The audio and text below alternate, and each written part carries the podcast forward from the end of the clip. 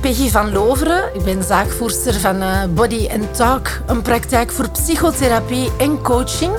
En met deze podcast wil ik jullie een aantal methodieken bijbrengen die ik gebruik in de psychotherapie en in de coaching. Vandaag wil ik het met jullie hebben over burn-out. Wat is nu eigenlijk een burn-out? Het is al uh, verschillende jaren dat die een term ons rond de oren bungelt en dat we er heel veel over lezen. Soms ook tegenstrijdige dingen. Maar als erkend burn-out coach en iemand die al jarenlang ervaring heeft met het werken preventief en ook curatief aan burn-out, wil ik mijn visie heel graag met jullie delen over wat een burn-out is. Hm? Een burn-out is een fysieke en een mentale crash het is in mijn beleving ook altijd zeer contextueel gecreëerd. Het ligt nooit eenduidig enkel aan het werk of enkel aan de thuissituatie of enkel aan een trauma, maar is vaak een samenloop van omstandigheden. We worden allemaal geboren met een zekere dosis veerkracht. Alsof dat we een kruiwagen hebben met een hele berg veerkracht in. En dan komt het leven. Sommigen maken op jonge leeftijd al heel, ja, toch wel erge dingen mee. Sommige mensen komen al heel jong in contact met verlies, met loslaten.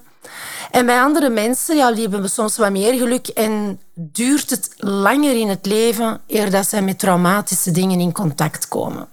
Nu, dat bepaalt wel allemaal wanneer dat uw leeg is of niet.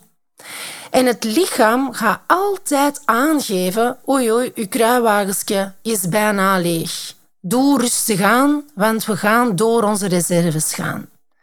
En als we dan de pech hebben dat dat signaal al komt in onze jaren tussen de 20 en de 30, dan gaan we merken dat we daar niet goed naar luisteren. Hè? Want maatschappelijk gezien gaan we dat allemaal willen blijven meemaken. En we vinden dat we dat moeten kunnen, want iedereen kan dat. En we zien dat ook vaak op social media, hoe druk het leven van onze ja, collega's is of vrienden. En we willen dat ook allemaal doen. En dan ga je dus in het rood, of je nu 20 bent, 30. En inderdaad, als je 40 bent, gebeurt jou dat ook als je niet luistert naar de signalen van jouw lichaam. Want dat is dikwijls de leeftijdsfase dat we nog van alles moeten. We moeten die een thuis creëren. We moeten die kinderen opvoeden. We moeten een sociaal leven hebben. We hebben soms ook al ouders naar waar we moeten kijken. We willen allemaal die vriendenkring hebben. We willen kunnen reizen. We hebben hobby's. Dat zijn eigenlijk twintig levensjaren waar heel veel in moet. En een jouw eigen kruiwagentje, of dat dan nog vol zit of niet, ga je sneller of minder snel opgebrand geraken. En wanneer dat gebeurt, krijg je dus wat we noemen die burn-out. Want jouw lichaam heeft te langdurig cortisol aangemaakt. Normaal gezien, als je stress hebt en nadien is het lichaam weer veilig, ga je naar relaxatie. Ga je automatisch naar een buikademhaling, omdat jouw lichaam weet, ik ben veilig, ik kan heel diep in en uitademen, er is rust, ik kan slapen. Maar wanneer jouw systeem continu stresshormoon aanmaakt, omdat je van de ene stressor in de andere terechtkomt, dan ga je zelfs terwijl je ligt of zit, merken dat je niet naar een buikademhaling geraakt. Ik noem dat altijd, je ademt in je zwemvestje. Je hebt precies zo'n zwemvestje aan en je ademhaling zakt niet. Die blijft ter hoogte van de borst. Zodat jouw lichaam kan aangeven dat je moet vechten of vluchten. Heel de dag sta je paraat om te vechten of te vluchten. Nu oké, jouw lichaam gaat dan zeker niet slapen. Maar dat gaat waken. Dat gaat waken omdat je maar met één oog open de nacht kunt trotseren, omdat heel je systeem denkt dat je gaat aangevallen worden. Klaar om te vechten of te vluchten. Heel snel geagiteerd. Omdat heel jouw lichaam in overlevingsmodus gaat, gaat ook jouw brein voor jou willen zorgen. Dat gaat denken, het is veel belangrijker dat deze persoon reflexmatig in het leven kan staan. Dat hij kan wegspringen van een bus of van een auto in plaats van dat het een wandelende encyclopedie wordt. Dus heel jouw systeem gaat zorgen dat er een soort error komt op jouw cognitieve functies. dingen herinneren, dingen opslaan, op woorden komen, bepaalde handelingen. Je gaat merken dat dat allemaal vertraagt of soms ja, even weg is. Dus er komen van die momenten dat je denkt, wat kwam ik hier nu weer doen? Wat ging ik nu weer zeggen? Je kan het je niet meer herinneren. Of je komt op bepaalde woorden niet. Dat zijn de eerste signalen van een burn-out. En tegelijkertijd ga je merken dat je wel zeer reflexmatig in het leven bent beginnen staan. Je gaat van alles schrikken. Je gaat overemotioneel reageren. Je merkt dat je ook jouw filter niet meer marcheert. Hè? Dat je dus eigenlijk impulsiever reageert. Agressiever uit de hoek kunt komen. Of juist voor het minste eigenlijk emotioneel wordt of begint te huilen. Dat je jezelf dikwijls niet begrijpt. Dat je de radio niet meer kan verdragen. Dat je heel snel overprikkeld bent. En dat allemaal omdat cognitief die filter niet meer meewerkt. Dat is de burn-out. Dat is niet iets waar je voor kiest. En dat is ook dus ook niet iets waar je zomaar vanaf geraakt. Dat is iets waar je heel bewust naar moet gaan kijken en moet begrijpen waarom is mijn lichaam nu in overlevingsmodus geraakt. En enkel in combinatie ja, psychotherapie naar het begrip van hoe is het zover kunnen komen, maar tegelijkertijd ook relaxatie om jouw eigen lichaam uit die stressloop te krijgen. Dat is er nodig om te herstellen van een burn-out. En de dokter kan jou thuisschrijven van jouw werk, maar de dokter kan jou niet thuisschrijven van jouw thuis, van jouw gewoontes, van jouw verplichtingen, van al die moedjes die je naast jouw werk jouw eigen ook allemaal aandeed. Dus daar komt een stukje zelfdiscipline in. Nu, hoe herstelt dat lichaam? Ja, dat heeft eigenlijk geen medicatie nodig. Maar zoals ik al zei, slaap. Want tijdens de diepe slaap dan gaat jouw lichaam groeihormoon aanmaken. En die groeihormoon hebben we nodig om alle cellen in jouw lichaam te regenereren, te herstellen, ook in jouw hersenen. En jouw lichaam weet dat. Dus daarom word je ook zo moe met een burn-out. Want jouw lichaam wil dat jij slaapt.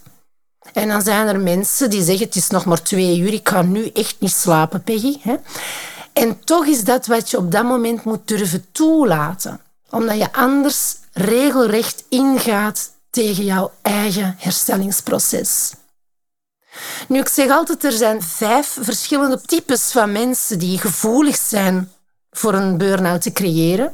En er zijn inderdaad ook vijf dingen die een bedrijf zou kunnen doen om ja, te zorgen dat hun eh, personeel uh, minder gevoelig wordt aan het creëren van een burn-out. De eerste waar uh, een mens gevoelig aan kan zijn, is het perfectionisme. Mensen die heel de tijd bezig zijn met alles tot in de puntjes goed te willen doen, die gaan ook veel meer tijd steken in hun taken. Die gaan daarvan wakker liggen dat dat niet goed genoeg is. Die, die leggen de lat voor zichzelf en voor de ander daardoor vaak ook te hoog. En die gaan moeten leren doseren in het leven. Zij kunnen heel moeilijk um, ja, het kantoor verlaten zonder een clean desk. Dat hoor ik ook. Hè. Het moet allemaal klaar zijn en dan morgen kunnen we opnieuw beginnen. Nu, ik vrees een beetje dat dat niet meer van deze tijd is om nog een clean desk te hebben. Hè. In de wereld waar we nu leven, moeten de perfectionisten ook leren verdragen dat er altijd nog wel werk zal liggen.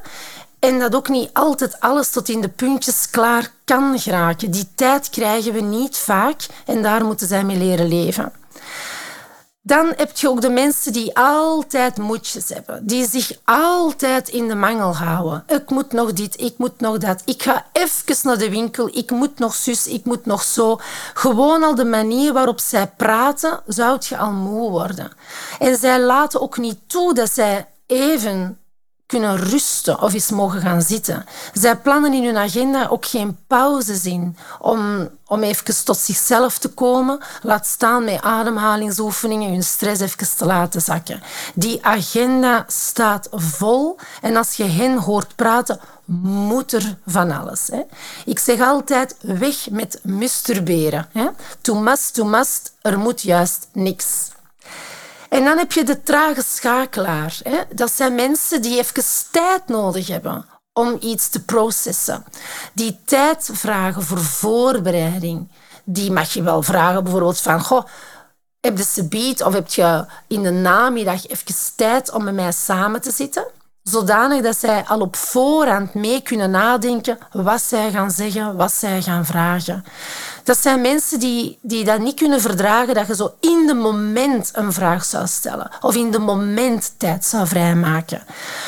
Veel mensen met autistische trekken zijn daar heel gevoelig aan. Die weten graag de dingen op voorhand, zodat ze die voorbereiding kunnen treffen. En ik noem dat eigenlijk meer de trage schakelaars. En die zitten, die zitten echt wel veel onder ons. Hè. Misschien herken je jezelf daar wel in. Geef dat aan. En dat jij iemand bent die tijd nodig hebt om dingen te processen. En dwing jezelf niet om in die moment toch in te gaan op dat wat men van jou verwacht of verlangt. Want je creëert innerlijk een ongelooflijke stressrespons. De workaholics. Ja, die kennen we. Dat zijn de mensen die dat overuren kloppen, uh, gewoon omdat ze het graag doen of omdat ze vinden dat ze dat moeten doen. Um, mensen die hele lange werkdagen hebben, waardoor dat vaak heel het sociale gegeven wegvalt of nog daarna moet komen. En dat creëert automatisch korte nachten. Um, dus dat is zeker iets om naar te kijken. De workaholic probeert toch je te houden aan normale werktijden. Durf inderdaad ook dat werk te laten liggen of jezelf eens af te vragen voor wie of voor wat doe ik het? Is het het wel waard? Hè? De pleasers, dat zijn ook mensen die geen nee durven zeggen. Ik heb zo ooit eens in een, eh, een coachingopleiding een, een, filmpje gezien over de, de monkey business. Dat is best hilarisch om te zien. Ik kan het jammer genoeg nergens nog terugvinden. Maar dat is zo'n filmpje van in de jaren zeventig waar men op kantoor kwam, letterlijk met een chimpansee aan de hand. Iedereen mooi in maatpak, dus je kunt je voorstellen hoe schattig en grappig dat, dat was om die apetjes allemaal zo te zien. Nu, dan begint de werkdag en dan gebeuren er dingen zoals, goh, Jeff, wij hebben een probleem. Hè? En met dat je dat nog zomaar verwoordt, gaat Jan Aap naar de chef. En de chef heeft ineens twee apen vast. Hè? Want de Jos, zijn probleem is ineens dat van de chef geworden. Hè? Op het einde van dat filmpje zie je ook dat de directiesecretaresse haar een bureau overstelpt is met apen. Hè? Want iedereen heeft wel zijn of haar probleem ook bij de directiesecretaresse achtergelaten. Allemaal maar omdat mensen niet in staat zijn om te zeggen... Uh, sorry Jos, maar wij hebben geen probleem, jij hebt een probleem. Hè? En om eigenlijk vaker nee te zeggen. De pleaser is zeer burn-out gevoelig, want ligt ook wakker van alles wat niet altijd zijn problemen zijn. En dan als laatste de procrastinator. Hè. Mensen die van nature heel gemakkelijk uitstelgedrag vertonen. Mensen die niet vaak weten hoe je aan iets begint en het daardoor tot last minute uitstellen om er dan tot kot in de nacht aan te vliegen of zelfs tot in de vroege uurtjes. Nu, ik zou voorstellen, probeer daar op te letten, probeer daaraan te werken. Want als je stelselmatig gaat uitstellen en dingen op de lange duur uh, gaat schuiven, dat creëert ook heel veel stress in jouw systeem. En zoals we wel weten, de continue aanmaak van cortisol leidt uiteindelijk tot die burn-out. Nu, wat kunnen werkgevers doen of waar kunnen zij toch oog voor hebben? Probeer te zorgen dat jullie personeel een uh, billijke workload hebben. Hè. Probeer ook eigenlijk heel individueel te zien wat is het tempo van die werknemer als we daar de lat voor iedereen even hoog gaan leggen, kan het zijn dat sommige werknemers daar toch in gaan blokkeren. Dat je merkt dat uh, ja, is het aantal dossiers dat die moeten verwerken, is dat wel billijk. Hè? Moeten we dat niet wat aanpassen? Um, ik hoor toch vaak op heel veel werkvloeren dat er getimed wordt. Ik denk nu aan bepaalde supermarkten. Daar wordt echt getimed. Uh, daar krijgen ze 20 minuten om heel direct uit te laden. Um, van melk bijvoorbeeld. Um, niet iedereen kan dat op 20 minuten. En toch wordt daarop beloond, verloond. Daar ligt enorm veel druk. Dus probeer toch oog te hebben op dat individuele qua workload. En dan uh, ja, de eerlijkheid. Hè. Um, inderdaad, niet iedereen kan hetzelfde doen. Hè. Dat je ook een beetje ziet... Ik, ik, uh, daar komt eigenlijk mijn insights-verhaal naar boven. Iedereen heeft bepaalde talenten hè, en uh, moeten daar weinig of geen moeite voor doen. Maar iedereen kan ook alles, mits maar een effort en het stretchen van je energie. Als je nu dagdagelijks je energie moet stretchen omdat je een job hebt waar dat je eigenlijk niet zo goed in bent van nature, maar die je wel kunt, je bent competent, dan ga je ook helemaal leeglopen energetisch. Dus probeer ook de juiste mensen op de juiste stoel te recruteren. En probeer daar ook het gesprek over aan te gaan. En kijk, ik zie in jou eerder een administratieve back-office die niet met te veel prikkels om kan. Ik ga jou daar plaatsen. In plaats van dat ik u aan de inkomhal zet hè, en dat je constant gestoord gaat worden door bezoekers of telefoon. Heel goed om daarop te letten. En dan natuurlijk ook uw bedrijfscultuur gezond houden. Het is heel belangrijk dat eigenlijk mensen zich goed voelen en dat er een transparantie is en een eerlijkheid in communicatie. Ik leg altijd graag het voorbeeld uit met de apen ook weer. Hè. Eh, er zijn heel veel experimenten geweest vroeger. Bijvoorbeeld een aap die de ruimte inkomt en um, daar staat op een stelling een hoop bananen. Nu, die aap die heeft de natuurlijke reflex om die bananen te willen gaan pakken. En dan is er een vervelende onderzoeker die dan eigenlijk een storm en een bliksem gaat insinueren en gaat zorgen dat die aap gaat schuilen. Nu, elke keer dat die aap die bananen wilt gaan pakken, gaat die onderzoeker op die knop duwen, waardoor dat, dat dier al heel snel doorheeft, ja, zal maar van die bananen afblijven, want anders begint dat hier weer te gieten en te stormen. Nu komt er een tweede naap in die ruimte binnen. En ook die naap heeft een natuurlijke reflex om die bananen te willen gaan halen. Je mocht er gif op innemen. Die eerste naap gaat met man en macht proberen om die naap van die stelling te krijgen, want die wil natuurlijk niet dat het terug gaat stormen.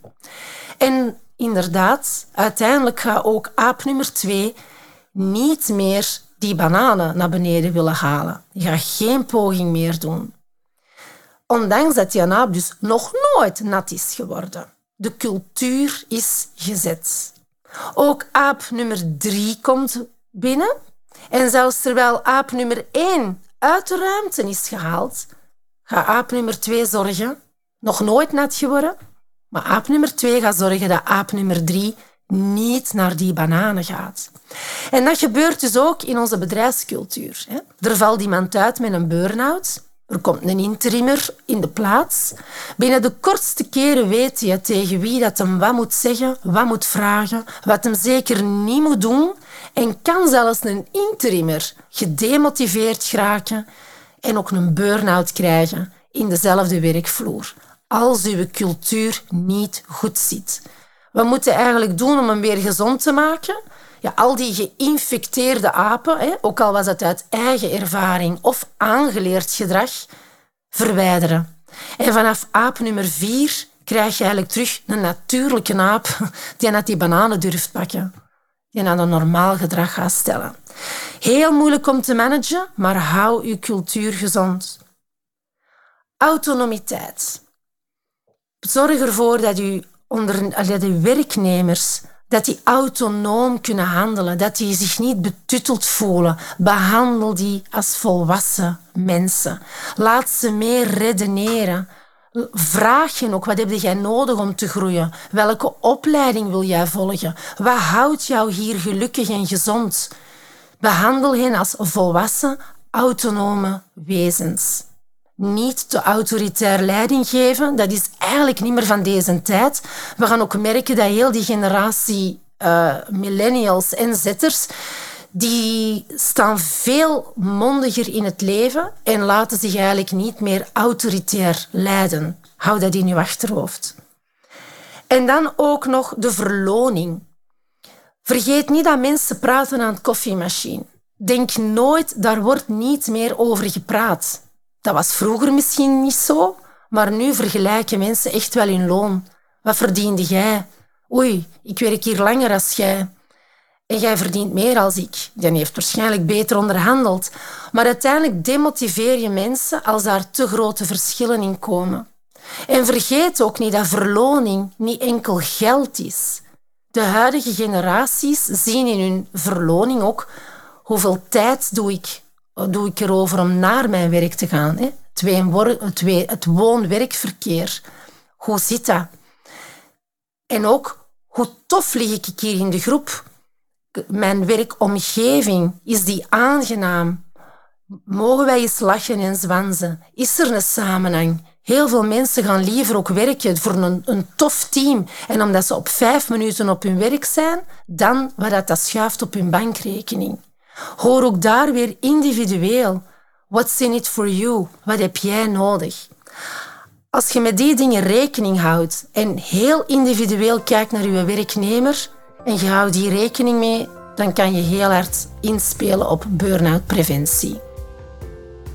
Voilà, ik hoop dat jullie er iets aan gehad hebben dan deze info. Ik vond het heel fijn dat jullie erbij waren en ik wens jullie nog een hele fijne dag.